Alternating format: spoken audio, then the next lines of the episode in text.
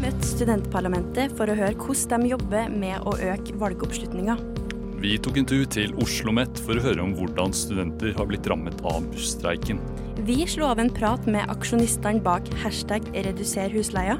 Vi gir deg både gamle og nye tips til du kan, hva du kan gjøre hjemme i regnværet eller i karantene. Og som alltid får du helgas værmelding. Og velkommen til Studentnyhetene. Jeg heter Torunn, og med meg i studio i dag så har jeg Samuel. Hei, hei. Vi har flere spennende saker for deg i dag, men først skal du få ukas nyhetsoppdatering.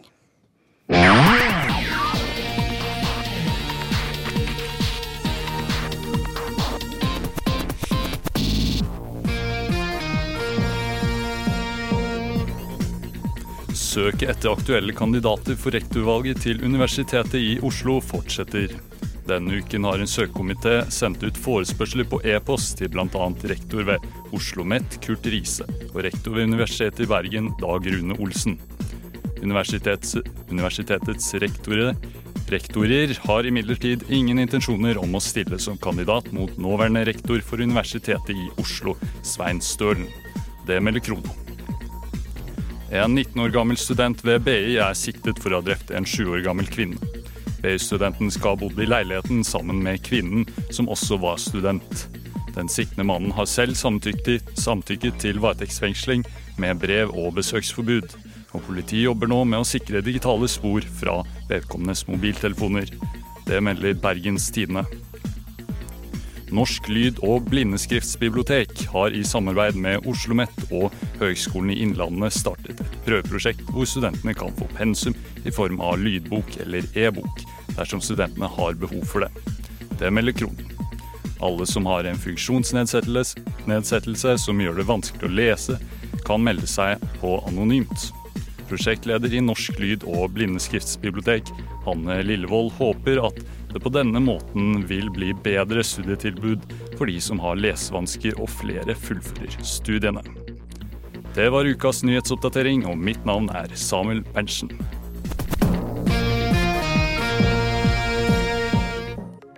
Hei, hei, hei, og velkommen til Studentnyhetene. Og velkommen til Studentnyhetene. Til Studentnyhetene. Til denne timen med Studentnyhetene. Til Studentnyhetene på Radio Nova. I dag er det under to måneder igjen til valget. Og nei, da mener jeg ikke det amerikanske valget, men valget av kandidater til studentparlamentet. Studentparlamentet, til dere som ikke visste det, det er navnet på organet som jobber for å ivareta og forbedre studentenes sosiale, faglige og økonomiske situasjon. Høres dette viktig ut? Vel, i fjor var det kun 7% på Oslo OsloMet som stemte. Vi har tatt en prat med Ola Essenstad for å høre om hvorfor 18 000 studenter ikke stemmer. Ola, i fjor var du leder for studentparlamentet ved Oslo OsloMet. Hvorfor er det så viktig å få flere til å stemme ved årets valg? Det handler om at folk skal bidra til demokratiet, og at folk generelt skal bruke stemmeretten sin for å si sin mening. Eh, jeg mener personlig at studenter som ikke stemmer, har en mye mindre validitet ved sine klager enn studenter som faktisk stemmer og sier sin mening i valget. da. Og ved at de sier sin mening, og ved at de stemmer inn sine representanter, så er de med å sørge på at vi kan dra universitetet i en enda bedre retning, og at studentparlamentet kan få enda mer slagkraft når vi er i møter med f.eks. rektor eller statsrådene eller diverse. da. Men hvorfor er det da så mange som ikke stemmer? Det er jo en mangfold av grunner, egentlig. Jeg tror at mye av det ligger hos personene sjøl, og at vi studenter til tider kan være litt late og bare litt sånn Nei, nei, men de gjør det ikke, så da orker ikke jeg heller å gjøre det. Men eh, det handler om at man må bare få seg ut, og man må bare prøve å gjøre det. da. Vi ser jo det at eh, når stemmetallene er så lave nasjonalt generelt i studentparlamentene og i studenttingene, så er det ikke nødvendigvis for at man ikke legger inn en innsats. at vi sto på stand, vi hadde banner over hele campus. Vi prøvde å sørge for at alle sammen fikk sett vår beskjed og fikk mulighet til å stemme. Men eh, fortsatt så valgte de å ikke gjøre det. Og jeg tror at det handler med at folk kan bli litt stemmeleie òg. Siden det året så var det jo fylkestingsvalg, var det. Og da er det også kirkevalget, er det. Og så kommer valget vårt også. Og så har de sikkert noe annet valg de skal gjøre i livet sitt òg. Så det er mange faktorer som påvirker, som vi ikke kan bestemme over, da. Ja, forrige valg ga dere også én bolle hver til de som stemte. Hva er årets strategi for å øke valgdeltakelsen? Nei, Jeg sitter jo ikke i arbeidsutvalget sjøl. Det er litt vanskelig med korona, men prøv å være mer synlig digitalt. Bruk penger på promotering på sosiale medier. Sørg for at når studentene på en flatere enn de faktisk er. da. Det er litt sånn, Hvis man alltid skal holde seg gammel og grå, så ikke bidrar til ny utvikling, så kommer selvfølgelig ikke de nye studentene med det. Så man må utvikle seg med samtida, man må bruke sosiale medier. Vi gjør det i veldig stor grad, men man må være enda mer aktiv på Plateren, man må være enda mer på. Kanskje TikTok også. Eh, det er litt vanskelig å si, får se om det blir bannlyst i Norge også. Men jeg tror at man har noe å tjene der, da. Med oss her i dag har vi også Marie Knutsen Bruntveit. Du er nåværende leder i studentparlamentet Oslo MET. Hva er det dere egentlig jobber med nå? I vår så, så vi at eh, mange falt fra, og at mange mente at kvaliteten på undervisningen ikke var bra nok. Eh, så nå sitter vi og jobber med å, med å prøve å pushe mer, altså en økning i digital kompetanse blant undervisere. Vi prøver å pushe mer eh, kreativitet rundt tenking altså i tenkinga rundt, rundt digital undervisning, da, sånn at det ikke bare blir den der forelesningen på Zoom som en ble vant med nå i vår. Og sist, men ikke minst, hva er studentparlamentets beskjed til de som ennå ikke er overbevist om at de burde stemme? Det kan ikke skade å stemme. Det, det Så enkelt er det. det er, dette er en gjeng med utrolig talentfulle folk som sitter og, og jobber. og Dette er ikke meg jeg snakker om, nå snakker jeg om parlamentsmedlemmene våre. Uh, som sitter og, og, brenner for å øke kvaliteten på Oslo OsloMet. Eh, de folkene fortjener de stemmer. Jeg syns Altså, det tar to minutter å gå inn, trykke på noen navn, forhåpentligvis lese seg opp på kandidattekstene, men i hvert fall trykke på de navnene og passe på at det stemmer de er hørt. For hvis vi har høyere, eh, vi har høyere stemmetall, så får vi òg mer gjennomslagskraft hos ledelsen, hos alle rådene og utvalgene vi sitter i. Og da blir det lettere for oss å gjøre hverdagen til studentene bedre. Dette var da Marie Knutsen Bruntveit. Leder i studentparlamentet ved Oslo MET. Og om en bolle ikke skulle friste, så har studentparlamentet i år latt seg inspirere av det amerikanske valget, og vil derfor dele ut donuts i stedet. Reporter i denne saken var Ingar Feiring og meg, Samuel Berntsen. Busstreiken er nå heldigvis over. Vi tok turen til Oslo OsloMet for å spørre studentene om hvordan de har blitt påvirka av streiken som var.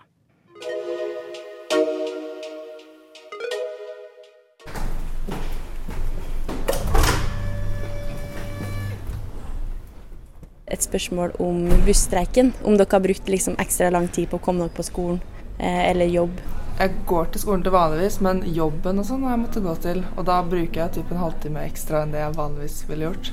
Men eh, har dere fått med dere at busstreiken er over nå, fra klokka tolv? Mm. Så det blir, det blir bra. Det blir deilig.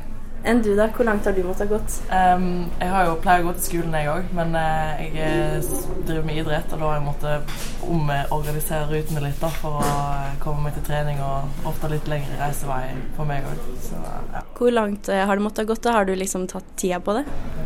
Nei, men jeg regner med det tar meg kanskje 20 minutter ekstra uh, når jeg måtte, eller ikke kan ta bussen, da. Svaret er nei. Svaret er nei, du har ikke brukt eh, lengre tid? Nei. Du har kjørt. Enn du, da? Jeg sykler. Du sykler. Ok, Så dere har ikke merket så masse til busstreiken, dere, da? Nei. nei. Det er godt å høre at det finnes noen av dem òg. Jeg bruker bare 50 minutter ekstra på vår streik, så det er ikke veldig mye. Så jeg måtte først Eller hvis jeg skulle så tar jeg normalt buss, men nå måtte jeg eh, gå til Nationaltheatret, ta T-banen og gå i en halvtime fra Trosterud. Ja, altså jeg bor egentlig ganske nær busstopp, da, men det tar sånn 20 minutter egentlig for å gå til T-banestoppet hvis jeg går treigt. Så i det siste så må jeg liksom uh, gå ut tidligere. Men har du fått med deg at buss, bussen har begynt å gå nå, at eh, busstreiken er over? Nei, faktisk ikke. fordi Da jeg så på nyhetene i går, så fortalte de at var fortsatt, de var fortsatt under uh, forhandling. da. Men wow, ok, nå vet jeg det.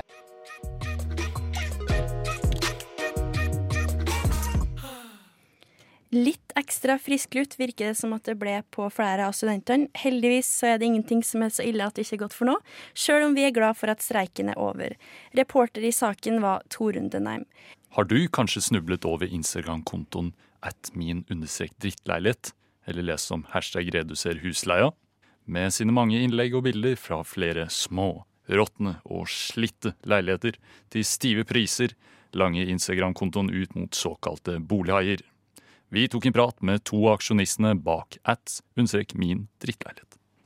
De siste månedene har hashtag 'reduser husleia' blitt en snakkis på internett, og Instagram-kontoen at min drittleilighet har fått masse oppmerksomhet med sine nå 24 000 følgere.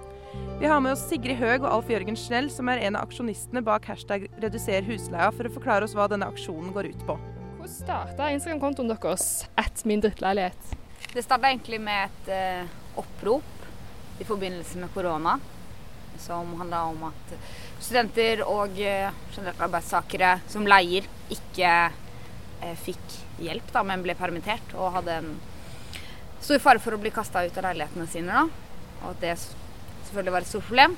Og så i forbindelse med det så ble det starta en samtale om hvor utrolig mye drittleiligheter det finnes der ute, da, og hvor høy pris de har. Og ut av det så kom det et ønske om å vise fram det som kanskje var en sånn ikke er så tydelig alltid, da. At veldig mye av de leilighetene vi bor i er drittleiligheter fordi de er veldig veldig dyre eller er veldig veldig dårlig standard. Og at veldig mye av inntekt eller studielån da, går inn i å betale for noe som er overprisa dårlig. Eh, er det sånn at dere selv bodde i sånne leiligheter eid av såkalte bolighaier? Vi har vært veldig sånn, opptatt av å liksom påpeke at en drittleilighet er ikke bare en muggleilighet, som du ofte ser på vår Instagram-profil, men det er også en dyr leilighet. Og jeg har brukt uh, altfor mye av på en måte lønna mi, uh, både som student og etter å ha vært ferdigutdanna, på leie.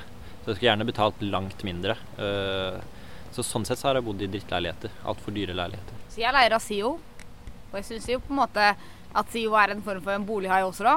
Når jeg får utbetalt penger av Lånekassa til å leie for, og SIO sjøl mener at jeg skal bruke rundt 3000 kroner på å leie, men jeg bruker 4500 Ja, eller mer, da, fordi jeg må betale for ekstrakostnader i forbindelse med den leiligheten også.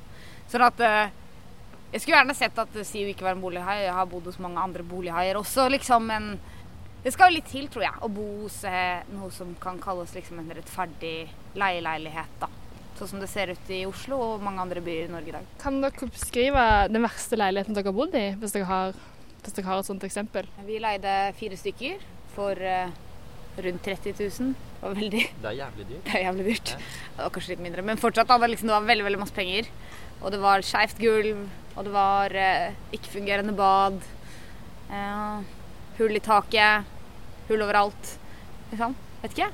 Men først og fremst er det at jeg liksom brukte så mye av lønna mi, da på leie. sånn som Alf Jørgen sa, liksom. Det er det som er dritt. hva, hva arbeid er det dere gjør for saken nå? Det vi har brukt veldig mye tid på, er egentlig å eksponere hvor dårlig det står til i boligmarkedet. Så vi har liksom oppfordret folk til å sende inn historier om hvordan, hva, de, hva slags erfaringer de har i leiemarkedet. Men i det siste så har vi på en måte beveget oss litt vekk fra den med å eksponere problemet til å gjøre noe med problemet. Vi, vi oppfordrer folk til å bli mer aktivistiske, Bl.a. med sånn banneraksjon vi har nå, hvor vi oppfordrer folk til å eh, henge ut bannere fra leilighetene sine og si hvor mye de koster. Og oppfordre til en reduksjon av husleia. Og så har vi vært i mye møter med ulike aktører innenfor boligpolitikken. Da. Så vi har sikkert møtt kanskje ti stykk innenfor politiske partier, organisasjoner osv. Og, så og prøvd på en måte å presse på en mer radikal boligpolitikklinje. da. Hva er det dere håper å oppnå med Instagram-kontoen? Den er jo en del av liksom en bredere kamp for oss. Da. Den er liksom et ledd i et arbeid om å ha en samtale om boligpolitikk, men også gjøre noe med boligpolitikken og få en akt, mer aktiv boligpolitikk enn det vi har i dag. Da. Sånn at eh, det kravet om å redusere husleia var jo utgangspunktet til Instagram-kontoen. og liksom Det at man har noen aktører på boligmarkedet som eh, er kjempestore, som vi kaller bolighaier, da. Ikke sant. Eh, og vi ønsker jo ikke at det skal være sånn. Det føles veldig veldig feil at eh, få mennesker skal eie andre mennesker sitt, uh, sin bolig da, og sitt hjem. Så det vil vi ha en slutt på. Føler at boligmarkedet har vært hett veldig lenge nå i form av veldig høye boligpriser, mens nå har boligpolitikk blitt hett, hørte jeg noen si på byen i går. Uh, og jeg tenker at hvis vi klarer å få den kampen der, den varmen til å liksom spre seg til en utvikling av en ikke-kommersiell boligsektor, ikke-kommersielle utleieselskaper, ikke-kommersielle eieleiligheter, så ville det vært veldig bra. Hvordan kan man unngå å bli lurt i bolig- og leiemarkedet av sånne mennesker dere advarer mot? Jeg tror ikke det er noen måte å ikke bli lurt. Eller sånn, det at man har et boligmarked er litt i seg selv lureri, da. For at uh, det er ikke som at du har et valg. Eller um, Det var noen som sa til meg her nå at det burde være liksom en Instagram-konto for folk som leier og er skikkelig dårlige. Liksom dårlige leietakere. Altså er det en stor forskjell da mellom folk som leier og folk som eier. Det er at jeg har ikke noe valg. Ikke sant? Folk som leier ut, de har et valg om å ikke leie ut. Og folk som leier, har ikke noe annet valg, fordi de må ha et sted å bo. ikke sant? Og Det gjelder for alle. Vi må ha et tak over roet. Og det er faktisk en menneskerettighet som man er så opptatt av, liksom. Så det Jeg tror ikke det er noen måte å ikke bli lurt, fordi at hele setupet Det er liksom rigga, så du taper før du i hele tatt har begynt. da. Det er ikke et individuelt problem, det er et kollektivt problem som vi må løse sammen. Så det er vanskelig å gi enkelttips, annet enn å være aktiv og prøve å endre hele markedet. da. Hva kan vi andre gjøre hvis vi ønsker å støtte dere i saken? Ja, Alfjørgen nevnte det, da. Henge ut bander banner fra leiligheten sin og liksom eksponere hva man betaler for uh, leilighetene. Det tenker vi er liksom et ledd i det å vise hvor feil ting er, da. Men også det å kreve husleiereduksjon, og også organisere seg. Så om man organiserer seg som leieboer eller, eh, eller som kollektiv, da. Og bli med i det politiske kampen da, for et rettferdig eh, boligsektor. Jeg følger bare med å sette høye krav og kjempe for dem. eh, Og si at det er ikke godt nok. Eh, Norge er liksom angivelig en velferdsstat, men boligmarkedet er jo en, en røverstat eller et eller annet. Det er, det er, på en måte massive summer som går over fra de som har veldig lite, til de som har veldig mye. Så liksom å presse på for en mer sosial boligbygging og utleiepolitikk ville vært bra. Tusen takk til dere, Sigrid og Alf Jørgen for å ta dere tid til å svare på spørsmålene våre. Så får vi ønske dere lykke til videre med aksjonen, og ha en fin dag videre. Der fikk dere høre et intervju med Sigrid Høeg og Alf Jørgen Snell. Reportere i saken var Mari Ranheim og Line Rørvik. Er du redd for å havne i karantene eller syns det er litt kjipt med regnvær? Fortvil ikke, vi skal komme med noen gode tips til hva du kan finne på. Jeg har nemlig vært i karantene sjøl i to uker, og jeg vet akkurat hvordan det ikke bør gjøres. For min del så ble det litt masse TV-serier og veldig lite frisk luft, så første to tips er ikke for masse serie, og prøv å få litt frisk luft og dagslys. Vel, mitt første tips er å lage en TikTok-video. Da, wow. da kan man jo danse og ja, tenk det, Torunn. Plutselig så har du millioner av visninger og tusenvis av fans. Er ikke det gøy? Det er ikke dumt, det er ikke dumt. Men derimot noe jeg gjorde i, når jeg var i karantene, som jeg syntes var skikkelig gøy, det var å invitere venner til sånn Skype-fest. Og da spilte vi noe som heter for Jackbox Games. Og da kan du liksom gå inn på jackboxgames.com, og der er en masse forskjellige spill, og det anbefaler jeg å sjekke ut. Ditt neste tips, Samuel?